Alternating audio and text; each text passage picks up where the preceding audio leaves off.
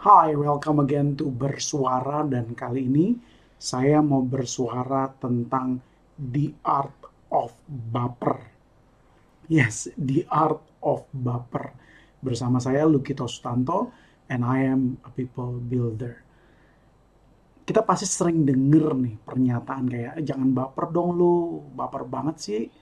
Nah sebenarnya apa sih baper? Baper itu adalah istilah yang artinya bawa perasaan. Sebenarnya perasaan itu apa sih ya? Perasaan adalah pengalaman yang kita rasakan secara sadar dari reaksi-reaksi emosi yang terjadi pada tubuh kita. Jadi secara sederhana itu adalah karena emosi kita merasakan sesuatu.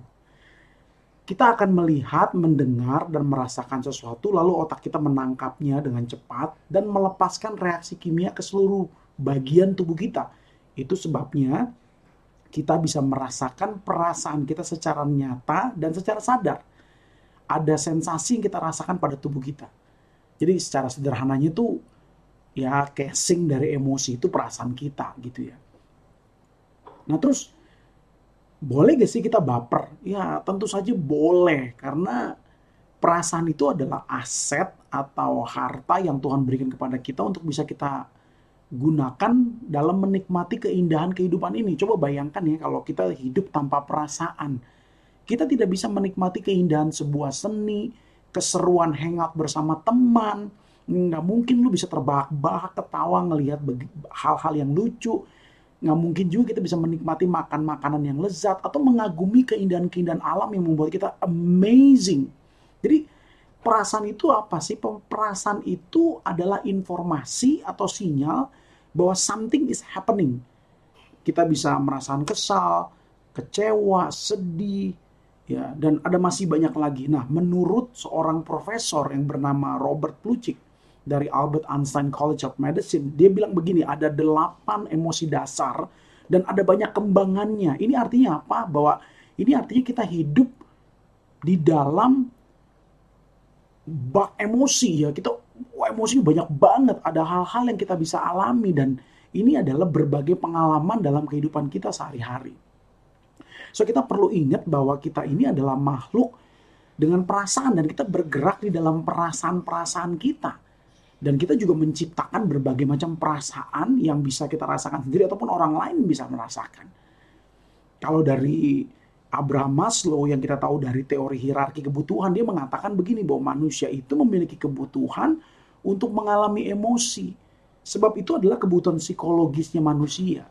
Nah, ini kita perlu mengerti bahwa kebutuhan psikologis kita ini adalah lebih daripada kebutuhan fisik juga gitu ya. Kita bisa perlu makan, udara dan lain-lain. So, saat kita merasakan sesuatu itu adalah sebuah kenyataan dan kita merasakannya dengan sadar. Perasaan kita sedang bekerja dan dia sedang memberikan kita pesan. Jadi perasaan itu tugasnya membawa pesan.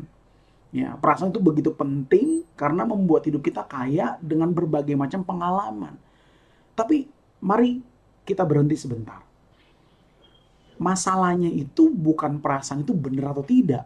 Namun pertanyaannya adalah apakah perasaan yang kita rasakan ini sehat atau tidak. Masalah benar atau tidak pasti benar karena kita merasakannya kan ya. Pertanyaannya adalah ini perasaan ini memberdayakan kita atau justru malah menghancurkan kita.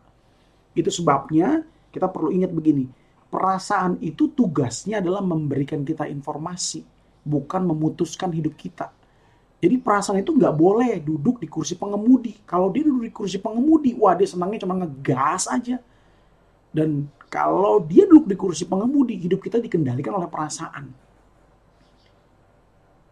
Kursi yang layak untuk diduduki oleh perasaan kita itu adalah kursi penumpang. Sebab itu kita perlu perhatikan baik-baik apakah saat ini perasaan kita duduk di kursi pengemudi apa sedang duduk di kursi penumpang.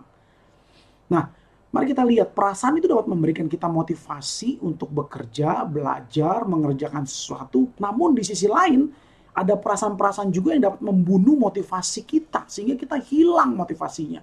Kita menjadi kurang kurang bergairah untuk untuk melakukan sesuatu. Perasaan juga bisa membuat kita membangun hubungan dengan orang lain dan terbangun dengan baik. Namun di sisi lain ada perasaan-perasaan yang bisa menghancurkan hubungan kita. Perasaan juga bisa membantu kita menghindar dari masalah. Oh, misalnya katakan ada rasa takut waktu kita berjalan di tengah malam yang sepi.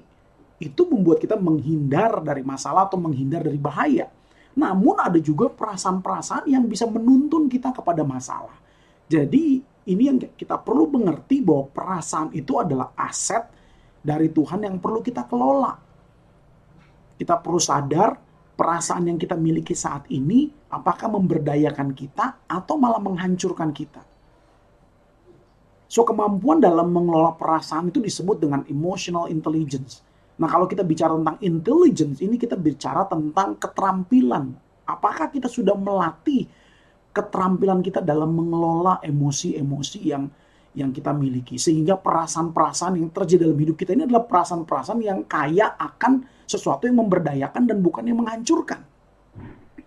Nah, pertanyaannya sekarang bagaimana caranya kita bisa baper dengan cara yang lebih sehat? Nah, kita akan membahas ini di sesi bersuara yang lainnya. So I'll see you again. Bye.